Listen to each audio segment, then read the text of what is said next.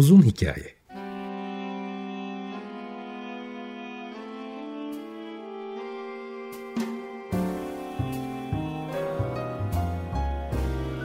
Sinir bilim, psikoloji, felsefe ve müzik.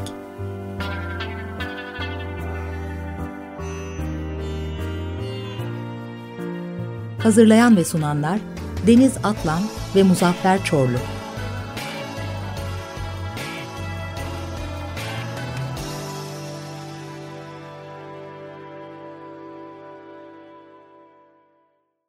95.0 Açık Radyo'dan, Açık Radyo.com.tr ve onun uzun hikayesinden herkese selamlar. Bir süredir yapay zeka ile çeşitli konuları birleştiriyoruz. Çünkü son zamanlarda e, inanılmaz kullanımı açısından çok arttı. İnsanlar hem yararlanıyor hem de bir sürü soru e, geliyor akla. Acaba avantajları kadar dezavantajlarının da farkında mıyız?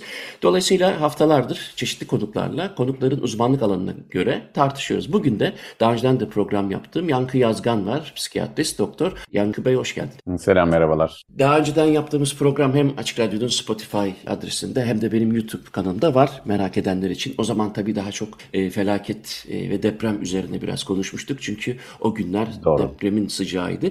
Bugün e, konuşacağımız konu yapay zekanın mental hastalıklarda ya da psikiyatride kullanımı, hmm. avantajları neler olabilir, dezavantajları neler olabilir? Ben tabii e, birazcık çalıştım, baktım neler olmuş.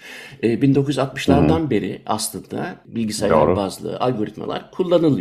Fakat ben güncel sorular sormak istiyorum ama isterseniz şöyle yapalım. Önce bir toparlayalım. Şimdi yapay zeka şimdi daha da farklı şekillerde kullanılıyor. Telefon aplikasyonlarına kadar indirilmiş e, Happify gibi bir sürü program insanların kullanımında. Fakat hı hı. önce bugüne nasıl gelindi e, ve gerçekten 1960'larda yanılmıyorsam 70'lerde başlayan bazı programlarla e, bilgisayar bazlı kullanımlar yavaş yavaş başlamıştı zaten. O nerelere evrilmek üzere? Belki hani kısa bir tarihiyle şimdiye kadar neler yapılmıştı ve bugün özellikle son teknolojiyle birlikte neler yapılıyor? Oraya öyle bir giriş, tarihi bir giriş yapalım isterseniz. Evet yani bu tabii kapsamlı bir şey e, yapmak kolay değil. Bu konuda ben hani siz beni programa davet ettiğiniz zaman söylediğim gibi ya benim bunun için çalışmam gerek dedim. Çünkü konuya özelleşmiş e, birisi olmaktan ziyade ilgili birisiyim. Yani e, önemli buluyorum buradaki şeyde. Hatta zaten yapay zeka ya da robotlar ya da insan bilgisayar arayüzü diyelim aslında. Genel daha geniş bir tanımla tutarsak bu konu Isaac Asimov romanlarından hatta başlayarak yani bilim kurgu belki daha öncesinde de işte Huxley'nin e, romanlarında vesaire bir takım otomatonlar kendiliğinden işleyen, insan olmayan ama insanla etkileşim halinde olan e, araçlara karşı ilgimize kadar e, gerisi izi sürülebilir. Ama e, dediğiniz anlamda bugünkü yapay zeka genel başlığı altına soktuğumuz birçok dijital uygulamanın atası ya da ninesi diyelim ELIZA uygulaması sizin de işaret ettiğiniz hmm. 66 ya da 67'de galiba bu Joseph Weizenbaum diye bir araştırmacı MIT'de kurduğu bir terapist Eliza. Ben de bunu 1980'lerde Türkiye kökenli Profesör Daniel Nahum'dan öğrenmiştim. Kentucky'de yaşayan bir psikiyatrdır kendisi. Hı hı. Belki bir fırsat olursa onunla da konuşmanız ilginç olabilir. Çünkü yıllardır meraklı olan bir büyüğümüz, hocamız. Dökümlerine baktığımızda işte Eliza nasıl konuşuyor? Eliza bir terapist e, program. Hatta biraz böyle karikatürize edilen psikanalizin, psikodinamik terapinin de hakim olduğu yıllar 1960'lar unutmayın. İşte hmm, evet anlıyorum, neden öyle dedin, ha gibi sesler çıkaran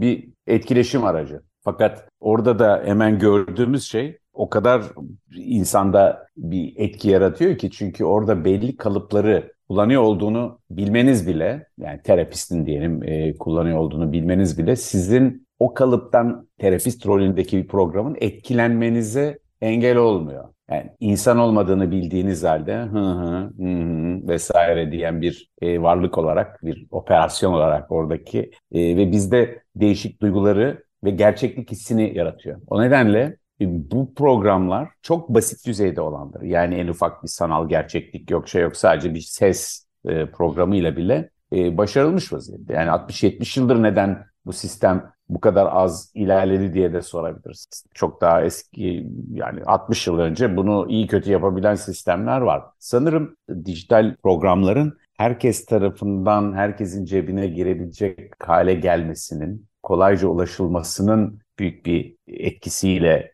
sistemde dönüşüm oldu. Yani tedavi algoritmaları kavramı tıbbın bütün alanlarında şu anda hekimlerin, e, sağlık çalışanlarının zaten uyguladığı şeyler. Hangi durumda ne yapacağınız konusunda hatta algoritma uygun davranmadığınızda diyelim ki ikinci sırada verecek bir ilacı birinci sırada yaptığınızda, hastaneye yatırılacak yapılacak şeyi ayaktan yaptığınızda e, örneğin sigorta size ödeme yapmıyor mesela Amerika Birleşik Devletleri'ne diyelim ki sistemde diyor ki sen algoritmaya uymadın. O nedenle algoritmalaştırma tarihi diye de düşünürseniz e, yapay zekanın ruh sağlığındaki ve sağlıktaki genel yerini yapay zekanın bizzat uygulayıcı olmadığı ama insan zekalı yani hekimlerin ya da başka çalışanların da algoritmalara göre hareket etmeye zaten başladığı bir dünyada algoritmaların bir e, bilgisayar e, insan arayüzüyle dünyamıza girmesi doğal akışın aslında bir parçası oldu. Hani tarihi aslında ben böyle bakıyorum. Hani şu zaman şu oldu vesaireden ziyade bu nasıl oldu da girdi? Bir cebimize e, bütün araçlarla ulaşabilmemiz cebimizden hatta yeni bu Apple gözlükleri vesaire düşündüğünüzde birçok şeyi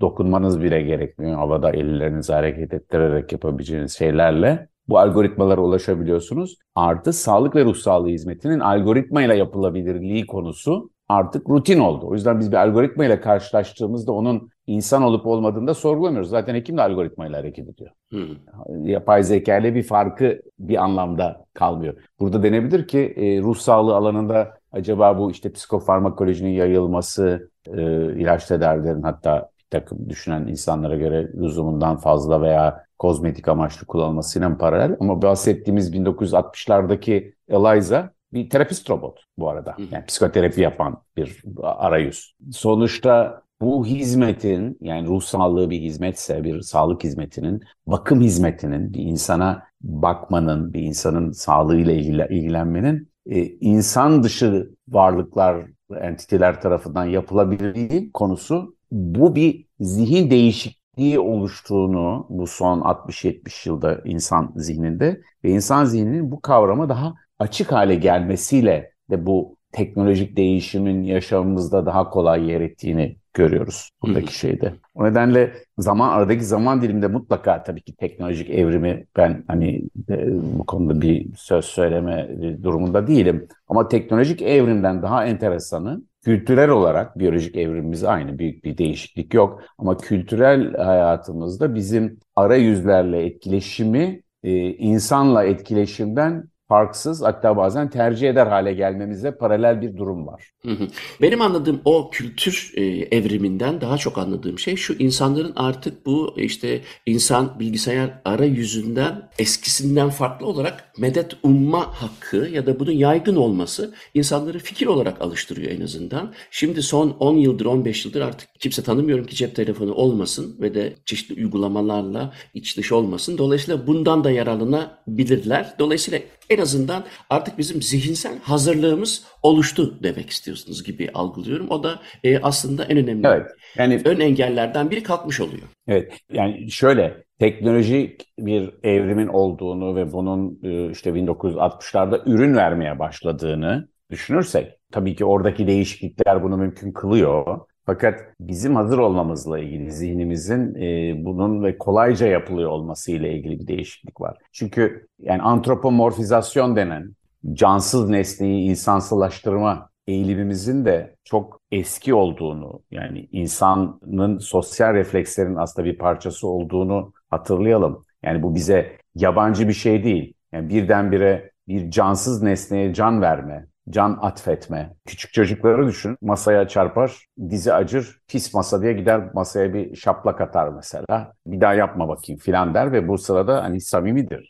O eğilimlerimizin zaten var olan eğilimlerimizin bu etkileşimle çünkü hani masanın bize bir karşılık vermediğini biliyoruz ama yapay zeka temelli teknolojilerle ve insan ilişkisini ve ruh sağlığındaki iyileştirici ana mekanizma olan karşılıklılığın oluşmasına imkan veren değişikliklerin olması ve bunun kolayca olması diyorum. Yani tarihsel evrim aslında belirleyen o gözüküyor. Hı hı. Zaten o hani başta da söylediğiniz programların şu anda da kullanılmasından e, farklı olarak en son benim gördüğüm ChatGPT'ye bile bu tür fazlasıyla e, sorular sorulmuş. Yani aslında o bilgi bir şekilde Google'da var. Yani mesela en son ben derslere çalışanların motivasyonunu arttırmak için yapılan bir iki bir şey gördüm. Mesela tarih dersi öğrenciler arasında en sıkıcı bulunan derslerden birisiymiş.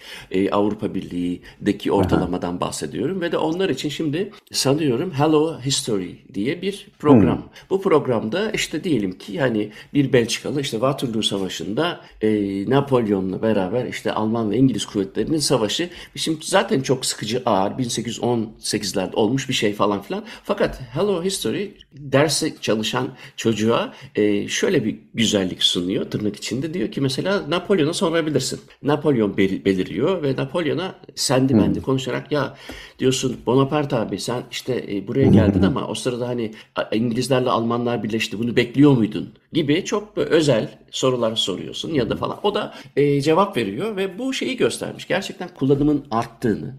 E, mesela bilim derslerinde işte Newton'a soru soruyorsun. işte Kopernik'e soruyorsun falan.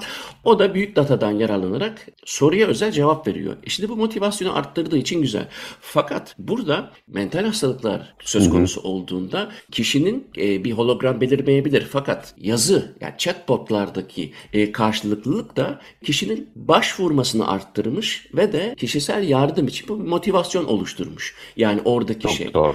E, bu gerçekten e, şey geliyor mu akla mantığa yakın ve de size mesela uygun geliyor mu? Olabilir der misiniz böyle bir şey? Evet kesinlikle evet yani oradaki şey bu gelişmenin e, ruh sağlığı alanındaki sorunlara, sorunlara spesifik olarak farklı konuşabiliriz. Yani daha ağır sorunlarla, yani gerçeklik algısının bozulduğu durumlarla, yani psikozlar, şizofreni, manik ekstasyon, nörogelişimsel bozuklukların bazılarında, yani gerçekliğin toplumun tipik çoğunluğunun algıladığı gibi anlamayan, işte halüsinasyonların, hezeyanların olduğu durumları bir kenara koyalım. Bunu ayrıca konuşmak faydalı olabilir. Ama toplumlarda yaygın olan bir kısmı daha reaktif nitelikte yaşanan mikro ya da makro streslere reaksiyon niteliğinde ortaya çıkan anksiyete gibi bazı e, çöküntüler gibi yani böyle tekrarlayıcı olmayan depresyonlar, depresif uyum bozuklukları gibi daha hafif sayılan tırnak içinde ama yarattığı etki açısından hafif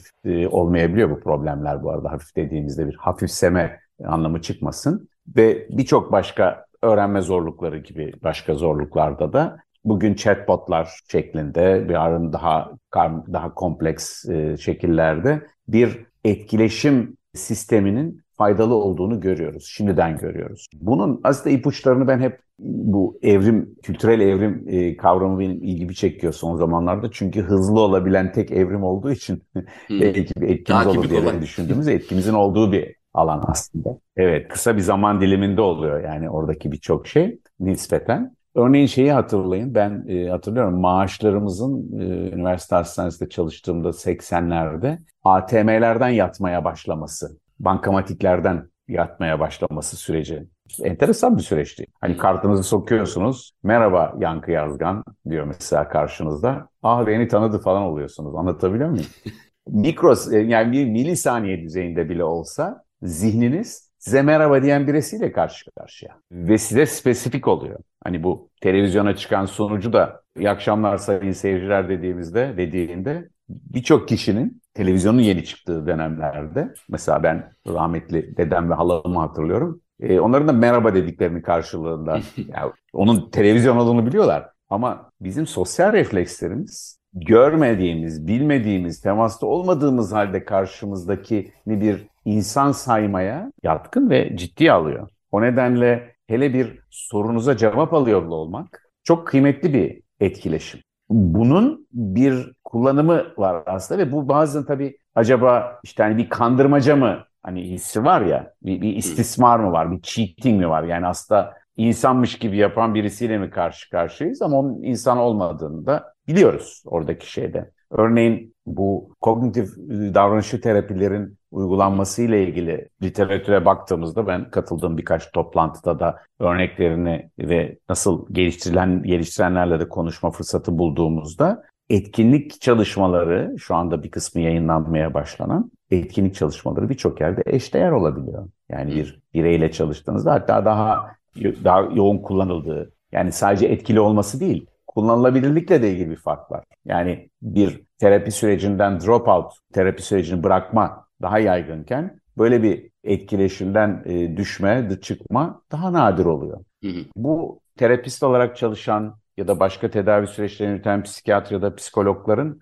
da aslında bu robotlarla bir rekabet içinde değiliz. Yani aslında bir işbirliği bu temelde. Hangi işlevleri otomasyonla çözeceğimiz, üretimde olduğu gibi bu, hangi işlemlerde hala insan ilişkisinin birebir etkileşimin önemli olduğu üzerine de bizi düşünmeye de sevk ediyor. Hı hı. O nedenle ben bu gelişimleri hem etkili buluyorum hem ge- gelecek vaat ettiği kesin ve bir geleceği de şurada. Bir de çok geniş toplumsal kesimlerin ruh sağlığı ihtiyaçlarını karşılamak için de araçlara ihtiyacımız var. Hı hı. Dünyada baktığınızda bu hani e, işte biz sizinle en son buluştuğumuzda Türkiye'deki afet üzerinden konuşmuştuk ama değişik yerlerde e, küresel iklim değişikliğinin, iklim krizinin daha doğrusu adını doğru koyalım, getirdiği değişiklikler, ekoanksiyete, bütün bu göçler gibi konular, finansal ve siyasal krizler, kutuplaşma gibi meseleler ruhsal dünyada da büyük çalkantı ve sarsıntılar yaratıyor. O yüzden ihtiyaca zaten yetişebilecek gibi değiliz.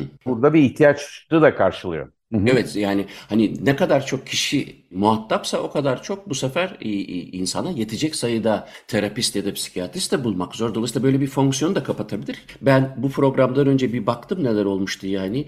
Daha iyi soru sorabilmek için bilmiyordum mesela. Sadece Avrupa'da 150 milyon kişinin danışan oldu yani mental hastalıklar kapsamında. Dünya Sağlık Örgütü'nün rakamları bu. Sadece Avrupa'da 150 milyon kişiden bahsediyoruz ve son istatistikler özellikle Covid sonrasında bu sayının %10, %15 arttığını da söylüyor ki bu yani çok ciddi bir sayı. Ama onun ötesinde ben dediğim gibi hani bu programa bakarken şeyi gördüm. Biraz önce sanıyorum bahsettiğiniz çalışmayı gördüm. 2017'de e, WUBOT Stanford Hı. Üniversitesi'nde evet. davranış terapistliğinde için geliştirdikleri şeyleri yayınlamaya başlamışlar ki telefon aplikasyonları bile var bunların içerisinde benim gördüm. 2017 evet, yani şurada 5-6 yıllık hikaye. Bu botçuları aslında... ben yani geçen Eylül'de gördüm mesela dinledim. Ay çok özür dilerim sözünüzü kestim bu şeyine. Yani e, daha da devam etmiş vaziyetteler yani onu söylemek. E, evet ya ama orada hani e, düşünme paternlerini değiştirmek gibi bir amaç olduğuna göre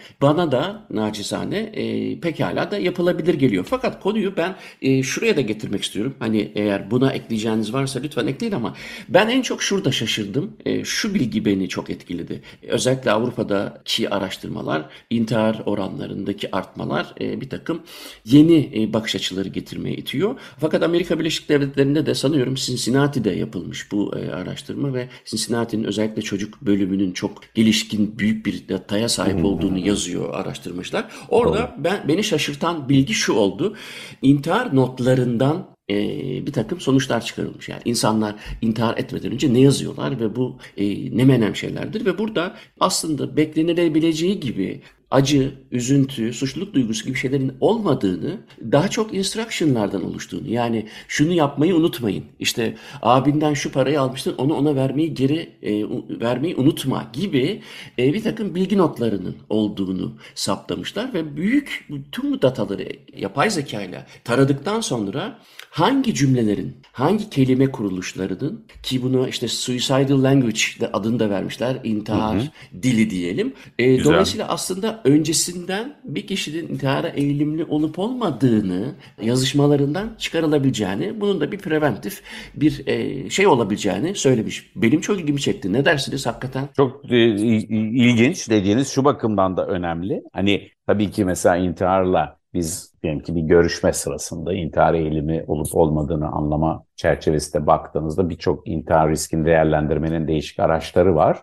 Umutsuzluk ve karamsarlığın ve kendini kontrol etmekte zorluğun ya da madde kullanıyor ya da alkol aşırı kullanıyor vesaire gibi olmanın bunların risk faktörleri olduğunu, riski arttırdığını biliyoruz. Bir görüşmede bunları değerlendiriyorsunuz. Ama e, kişilerin birçoğunun da tam da dediğiniz gibi doğrudan doğruya bu hele sorulmadığında bu bilgileri vermediğini e, ama kendiliklerinden verdikleri bilgilerin analizini yapabilen bir sistem olduğunda bu risklerin daha iyi saptanabildiğini görüyoruz. Ama peki biz insanların hayatlarına, metinlerine, yazdıkları mesajlara ne kadar monitörize edilmesini hani onların iyiliği için özel yaşamların ihlali vesaire konularına bir çağrışım yapıyor. Ee, bir poster olarak gördüm. Spotify'da dinlenen müzik türünden giderek de bu tür kestirimlerde ruh durumu ile ilgili kişileri kestirimde bulunabiliyorsunuz. Orada tabii yapay zeka ve bütün bu insan e, bilgisayar arayüzü tartışmalarının tabii etikle ilgili insan hakları, işte yaşamlarımızın gözet yani bir gözetim toplumu, hatta bu meşhur e, azınlık e, raporu filmine gönderimler yaparak hani olabilecekleri engellemek, preventif mi, preemptive mi? Yani engellemek önemli ama engelleme amaçlı ne yaptığınızda önemli gibi başka tartışmalara gidiyor. Siz tabii bunu tartışma fırsatı bulacaksınız bu dizinizde yapay zeka ama bu tabii da tabii. Özellikle etik kısmı sadece parçası. psikiyatri değil, e, insan kaynakları artık e, bir kişinin işte başvurduğu pozisyona göre verdiği CV ile kalmıyor. Yani CV kişiye özel bir şey. Ben bu yanlarımı öne çıkartmak istiyorum ya da bu pozisyonda daha başarılı olabilmem için, şansımın artması için şu taraflarını yazıyorum diye bir e, custom made, o bana özel o iş için yaptığım CV e, artık pek e, insanlık kaynaklarında işte öne geliyor ama bir de bu kişinin e, sosyal medyada bir tavrı var, bir davranışı var. E, davranış modelleri var. Neyi beğendi, neyi beğenmedi, neye itiraz etti, e, hangi e, işte sosyal medya mesajlarına cevap verdi, o cevapların neler var derken bu kişinin e, çeşitli risk e, haritaları çıkarılabiliyor. Şimdi bu tabii ki etik değil. Çünkü benim CV'de koyduğum özelliklerin dışında bilinmesini istemediğim özelliklerimin de hatta bu pozisyonda belki haksızlık yaratacak hı hı. özelliklerimin de masaya yatırıldığını görüyorum ama e, bu tabii e, işin etik kısmı belki bu etik bizi hukuki e, önlemlere de götürecektir fakat iş psikiyatriye ya da e, akıl sağlığına geldiği zaman bu sefer çok daha namahrem bir durum söz konusu oluyor çünkü her evet. kişi günün hangi saatinde hangi dengesizliği yaptığını düşünerek yaşamaya başladığında ya da sosyal medya interaksiyonlarını buna göre belirlemeye başladığında bu sefer de çok suni bir hayat olacaktır. Yani dediğiniz çok doğru. Beni de düşündüren şeylerden biri o açıkçası. Bunu ıı, tartışarak bunlara cevaplar bulunabileceğini e, düşünüyorum. Hani tabii ki burada özellikle ruh sağlığı e, insanın ve sağlıkla ilgili diğer konular da öyle. Kalp hastalığınızdan tutun. Hani kalbinizin hızlı çarpıp çarpmadığını siz e, bilgisi şey cep telefonunuzdaki sağlık programıyla takip ediyorsunuz diyelim. Bu müthiş bir data yani kalbi hızlı çarptı. Acaba ne çarptırdı? O sırada neredeydi? Ne gördü vesaire. Bu şu anda enteresan bir bilgi olmayabilir ama sizinle ilgili ya da kalbi çok hızlı çarpan bir adam hemen çarpıyor diye bir bilgiyi de edinmiş oluyorsunuz. Ee, bu bilginin nerede konulduğu, nereye, kimin eriştiği gibi kısımlar var. Şimdi ruh sağlığı ile ilgili konulara döndüğümüzde burada tam da sizin dediğiniz gibi gönüllü olarak, bilerek, bir bilgiyle bu tür araçlardan yararlanacak kişiler ve bir işte doktor, psikoterapist ve bir takımla birlikte hizmeti tamamlayıcı bahsettiğiniz robot ve benzeri birçok program gibi işte ne bileyim mindfulness egzersizleri yaptıran size bir şey var diyelim ki program var. Buradan bir zarar doğması veya e, mahremiyet ihlali olma ihtimali çok gözükmüyor. Mutlaka değişik ortada bazı güvenlik şeyleri olacaktır. Ama daha ziyade tam da dediğiniz gibi örneğin intihar riski gibi kişilerin birçoğunun intihar etmeyi düşünen kişilerin açığa vurmadığı hatta direndiği bazen bu konudaki müdahaleye ama o kişinin bizim iyiliği ve sağlığını hayatta tutma görevimiz gereği müdahale ettiğimiz, zorunlu olarak hastaneye yatırılan, kendi iradesine rağmen mahkeme kararıyla yatır, yatırıyorsunuz birçok ruhsal, ağır ruhsal hastalıklardaki birçok kişiyi. Çünkü kendilerine veya topluma zarar verme, doğması ihtimali üzerinden veriliyor kararlar. Bu tip durumlarla ilgili veriler, yani kağıt üzerinde baktığınızda intihar etme ihtimalini önceden saptamış olmak müthiş bir şey. Ama zaten aslında şu anda da var olan yani bir kişiyi hastaneye yatırıp yatırmamak eskisinden çok daha farklı regülasyonlara sahip. Böyle istediğinizi götürüp bir akıl hastanesine, ruh sağlığı kliniğine yatıramazsınız. Çünkü bir kontrol aracı olarak da psikiyatrinin kullanıldığı durumları düşünürseniz yani kişinin e, iradesini kısıtlayıcı bir şey getirdiğimizi burada bunu bir insan dışı bir mekanizmayla yapmak iyi mi kötü mü? Bir anlamda baktığınızda daha nesnel, daha hatasız bir şekilde yapma ihtimali de geliyor. Çünkü yani insandan en önemli farklarından birisi bence şeyin hani şimdi ChatGPT örneğinden gidiyoruz güncel olduğu için. E, belki bu programı 10 yıl sonra birisi duysa şu anda konuştuklarımız komik gelebilir. E, o da ayrı. Onu da kabul etmemiz lazım. E, ilkel gelebilir yani öyle şeyde bakın da.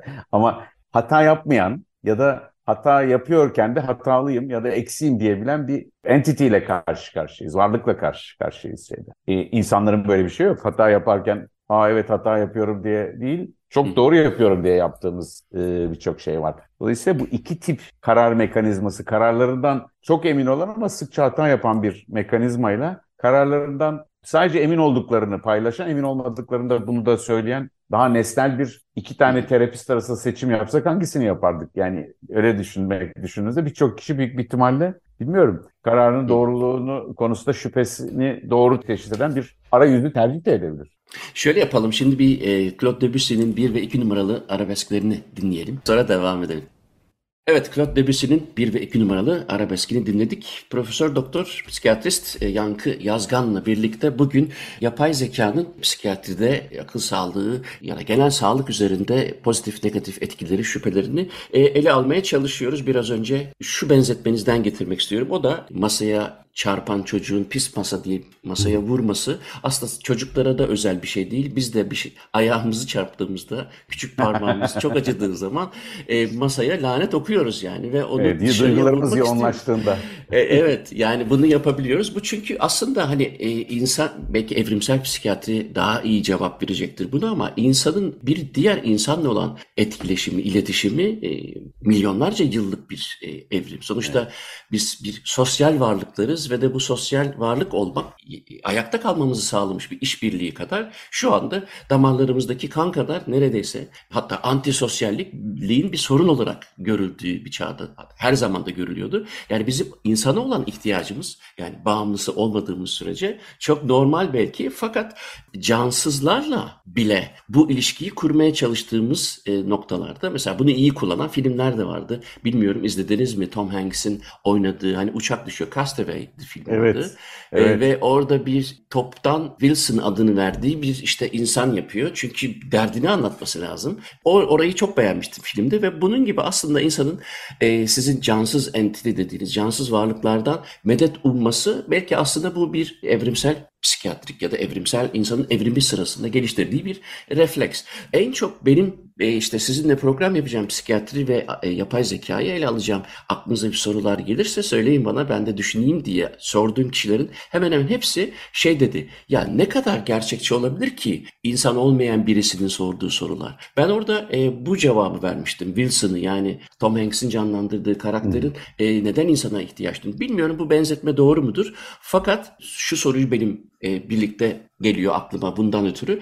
Gerçekten de insanların bir salise de olsa ya ben ne yapıyorum şimdi bu chat GPT'de ne alakası var e, gibi bir şüpheye düşüp düşmeyeceğini. Onun cevabını aslında verdiniz ama bunun üzerinden gidecek çünkü biraz. E, yeni e, aplikasyonlara ben baktım. Sadece Happify değil o kadar çok aplikasyon yapılmış ki. Tamam e, mindfulness e, için e, instruction veren aplikasyonları anlıyorum. Şimdi şunu yap bunu yap şöyle nefes al böyle nefes al. Tamam bun, bunlar egzersiz yapanlar için bile yıllardır kullanılan e, şeyler. Fakat kişi kendine özel bilgileri verirken böyle bir programa yazıyor olması ne kadar o kişiyi daha samimi e, sorular sormaya ya da açmaya iter, ne kadar kapatmaya yol açar. O, oranın onun ayrıldığını yapamadım ben pek. Hı. Yani kişi kendi kapar mı? Tam tersi hazır e, tanımadığım ya da insan olmayan birisiyle birlikteyim. E, daha da e, ağzıma ne gelirse spontan olayım söyleyeyim mi der. E, burada sanırım e, aslında güven duygusu konusuna geliyoruz. Yani güven oluşturabilmek. Güven oluştuğunda e, ve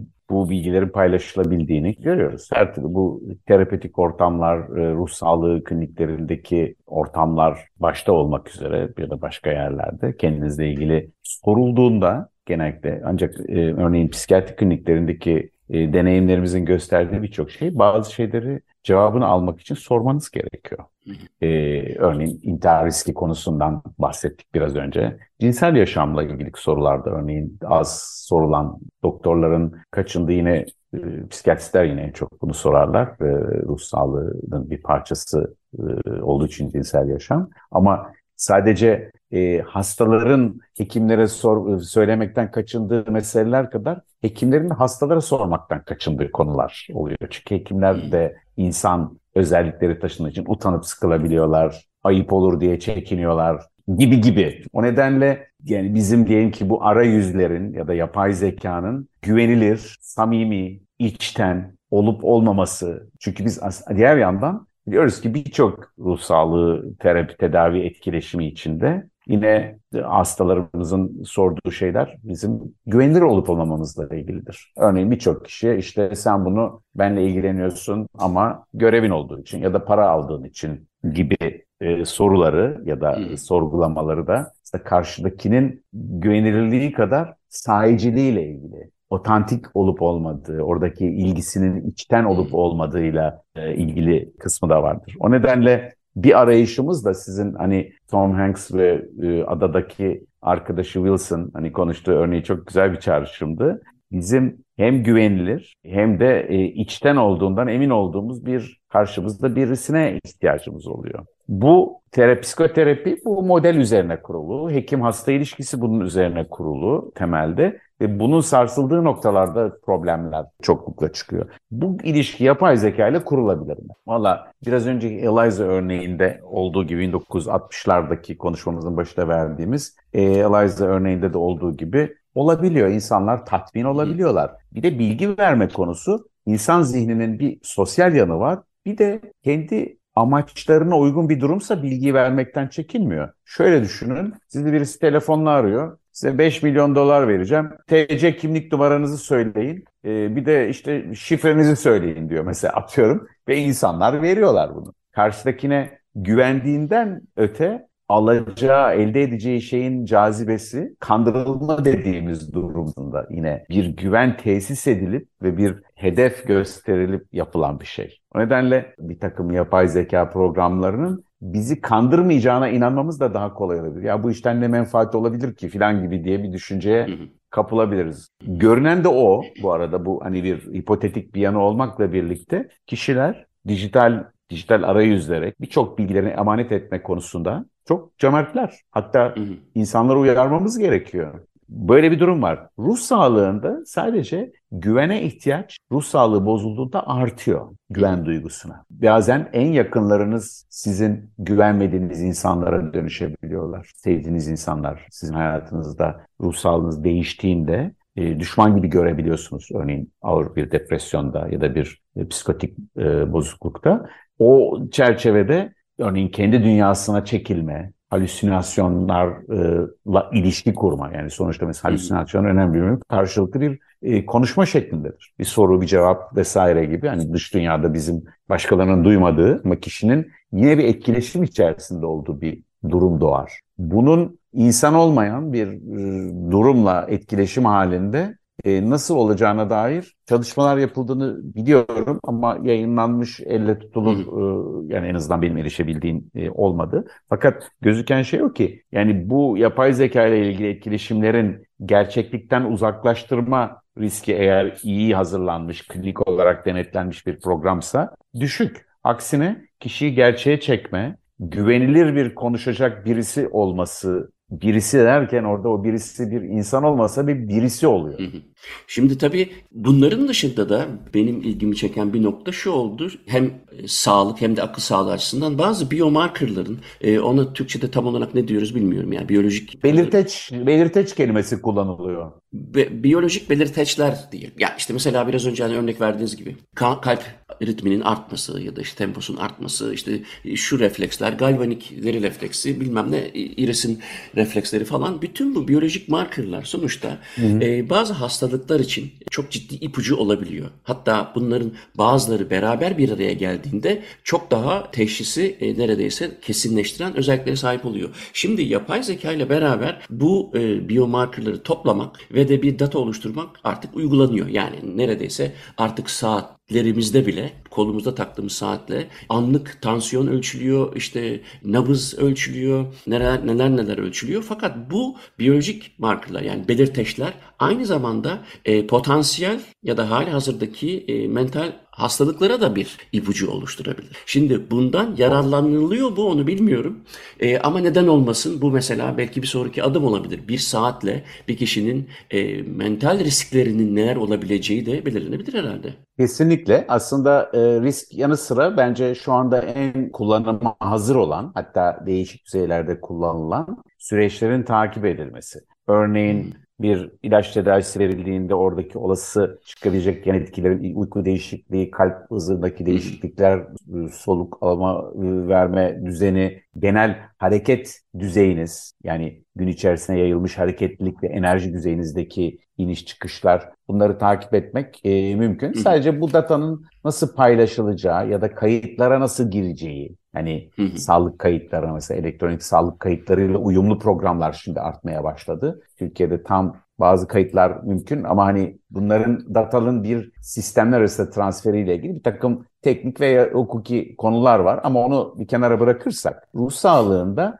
öz bildirim diye bilinen yani kendi durumunuzla ilgili girdiğiniz datalar aslında çok kullanılıyor biliyorsunuz ölçekler e, ve bunlar oldukça güvenilir yani kişilerin uyduruk cevaplasalar bile bir şekilde doğru bir yansıtma yaptıkları o şekilde istatistiksel düzenlenmiş e, çok güzel yine dil temelli aslında ölçekler e, bunlar. Fakat ruh sağlığı zorlukları yaşandığında e, ya da yaşayan kişiler bu datayı girmekte zorlanabiliyorlar. Örneğin düzenli girme data girişi en büyük mesele. O nedenle bu giyilebilir teknolojilerle toplanan bilgiler hani kişinin bir zahmet etmeden yani ben girmeyeyim ama data şey toplasın, alet toplasın datayı tercih ediyor. Mesela çocuklardaki aşırı hareketlilik, dağınıklık gibi sorunlarda da hareketlilik düzeyinin gün içinde nasıl seyrettiğini takip etmek e, bize çok fikir veriyor. Hani hangi saatte ve hangi aktivitelerin planlanacağını tasarlamak açısından, en iyi performansımızın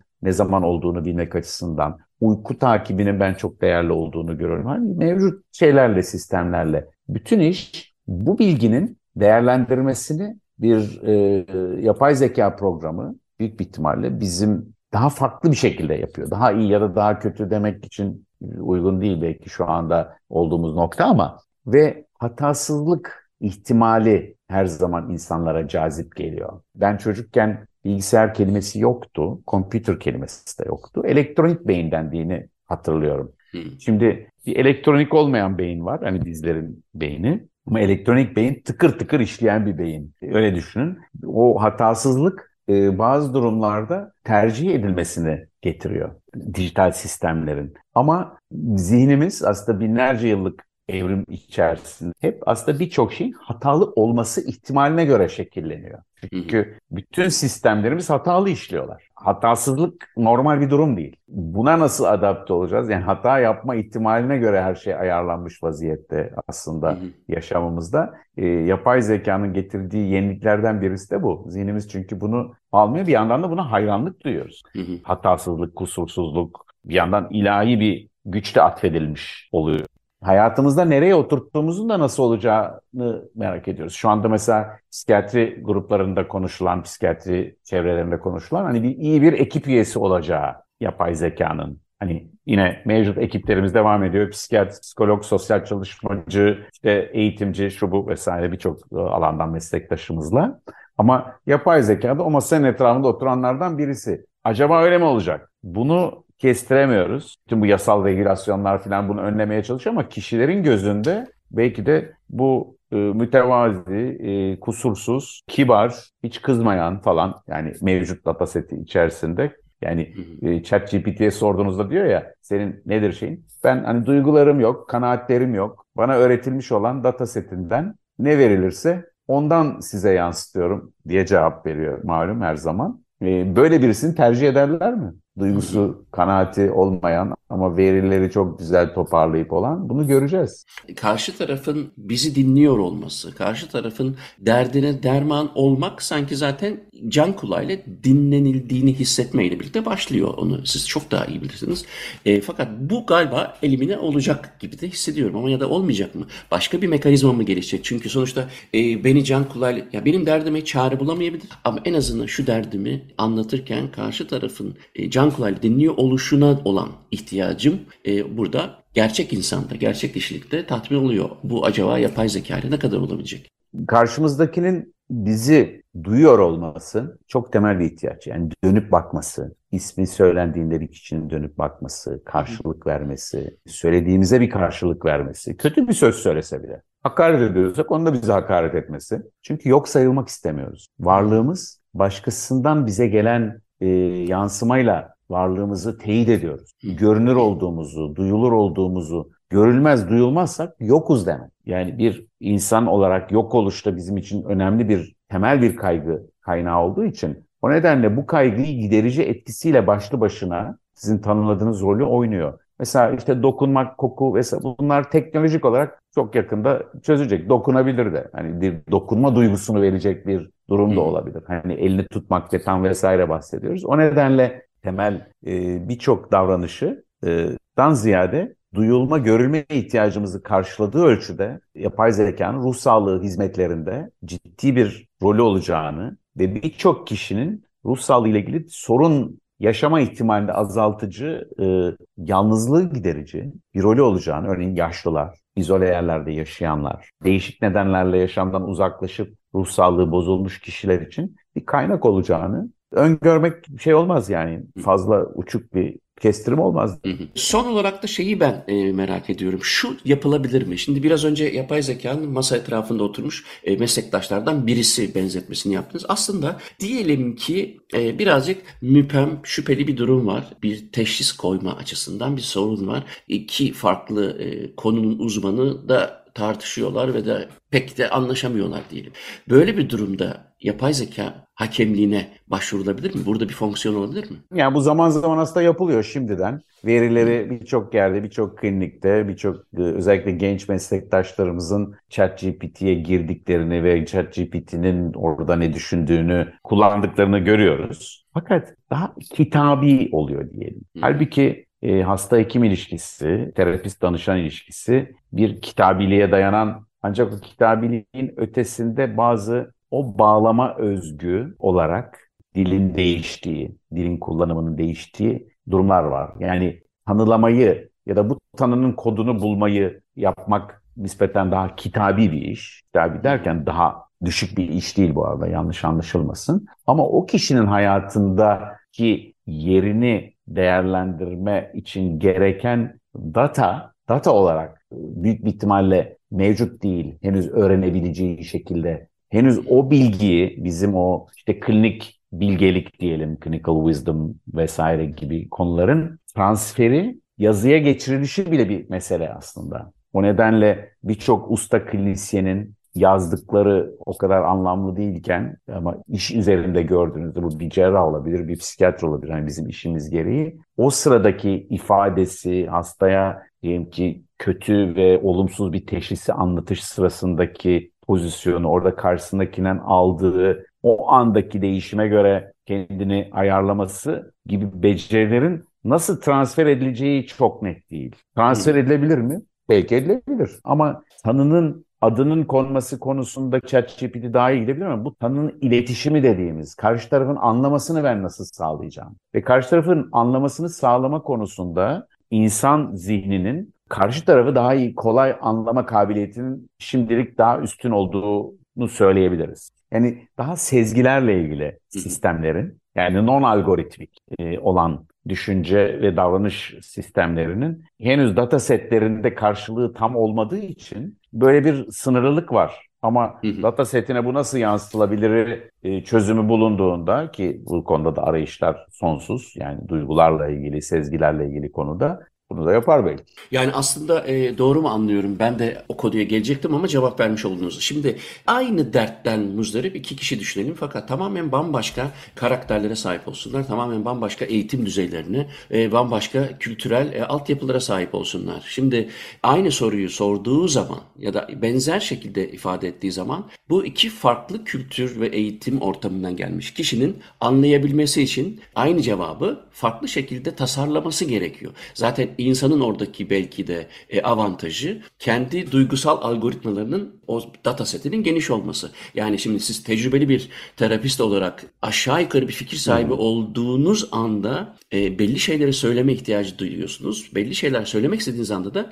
karşıdaki kişiyi kale alıyorsunuz. Eğitimini, sosyokültürel yapısını e, ve bir sürü özelliğini ki sizin ağzınızdan çıkan karşı tarafta kodlanabilsin. Dolayısıyla siz aslında aynı sorunu kişiye özel cevaplayarak ele alıyorsunuz. Böylece onlarca, yüzlerce hastanızda olsa. E, şimdi e, işte bu noktada an, doğru anladıysam şimdilik e, bu kadar geniş bir dataseti olmadığı için belki bu e, ChatGPT gibi e, ortamların yazılı karşılıklı konuşmada e, şimdilik sınırlı olabileceğini bu sebeple söylüyorsunuz değil mi? Yanlış anlamadım. Evet çok doğru anladınız. Yani bu sezgi duygu sisteminin insanın başka bir insanı anlamasını ya da anlamamasını, anlayamamasını da getiren yani bazı durumlarda sezgi duygu sisteminin işte empati bunun içindeki araçlardan bir tanesi. Yani çok bilinen araçlardan ama tek araç değil. Bunun bizim klinik kararlarımızı verirken, karşımızdakiyle klinik veriyi, bilgiyi toplarken ve anlamlandırırken yararlandığımız bu sistemin datalaştırılması ile ilgili bir zorluk var. Datalaştırılamadığı için, verileştirilemediği için aktarılması ile ilgili zorluk var. İşte mesela kliniklerde sorulur ya, yani niye bu çocukta işte ne bileyim dikkat eksikliği, hiperaktivite düşünmediniz de otizm düşündünüz. Ya hocaların şu bir kısmı der yani ve bunu şey değil yani ben de derim. Ya öyle hissettim falan gibi bir cevaplar verdiğimiz durumların ve çünkü işte ona benzeyen kafamda işte Ahmet vardı, onun gelişimi de böyle olmuştu, başta böyle gözükmüştü diye farklı bir zihinsel operasyon yürüyor. Daha çok bağlantılarla, asosyasyonlarla yürüyen, sezgi sistemleriyle tetiklenen ve bir algoritmik tarz izlemeyen, her durumda da farklı işleyen. O nedenle bu non-algoritmik düşünce tarzı hani şeyde popüler psikolojide sağ beyin diye geçen yani aslında alanlar orada insan klinisyenler o alanda daha becerikliler diyelim. Bu da hani ChatGPT ile de bir yarış falan yapmıyoruz. Yani öyle bir izlenimde doğmamalı. İyi bir işbirliği anlamında kimin neyi daha iyi yaptığı, kimin nerede daha faydalı olduğu, kimin nerede daha etik ve doğru davrandığına karar verirken e, yeteneklerimiz açısından bakmak. Bu şuna benziyor. Yani kalkülatör kullanılmalı mı kullanılmamalı mı sınavlarda? Elle mi yapmalıyız işlemleri? Yani çok hassas bir hesap yapıyorsak makineyle yapmak, işte TI ile yapmak vesaire daha iyidir. Temel amacını, insan etkileşiminin, insan insana olan etkileşimin özünü e, en iyi nerede muhafaza edebiliriz sorusuyla cevaplar arayarak ben yapay zekanın ruh sağlığındaki kullanımının gelişeceğini düşünüyorum. Peki bu şekilde bitirmiş olalım. Aydınlatıcı oldu kesinlikle. En azından hani hangi noktalarda işimize yarıyor? Hali hazırda programın başında da anlattığınız gibi 60'lardan bu yana nasıl kullanıldığını, nereye gidebileceği, hangi eksiklikleri olabileceği fakat gene de benim anladığım kadarıyla genel olarak bir pozitif bakış açısına sahipsiniz. Evet, bir pozitif bakış açısı. Ee, ve meslektaşlarımızın çoğu da böyle. O açıdan da bunu bilmek iyiydi. Bana ulaşmak için Muzaffer Coğlu Gmail adresine yazabilirsiniz. Bugünkü programda Profesör Doktor Psikiyatrist Yankı Yazgan'la yapay zeka ve psikiyatri ilişkisini ele almaya çalıştık. Bu programı tekrarını radyo Spotify'a koyacak. Ben de görüntülü olarak kendi YouTube kanalıma koyacağım. Haftaya yapay zeka konularına devam edeceğiz. Hepinize günaydın.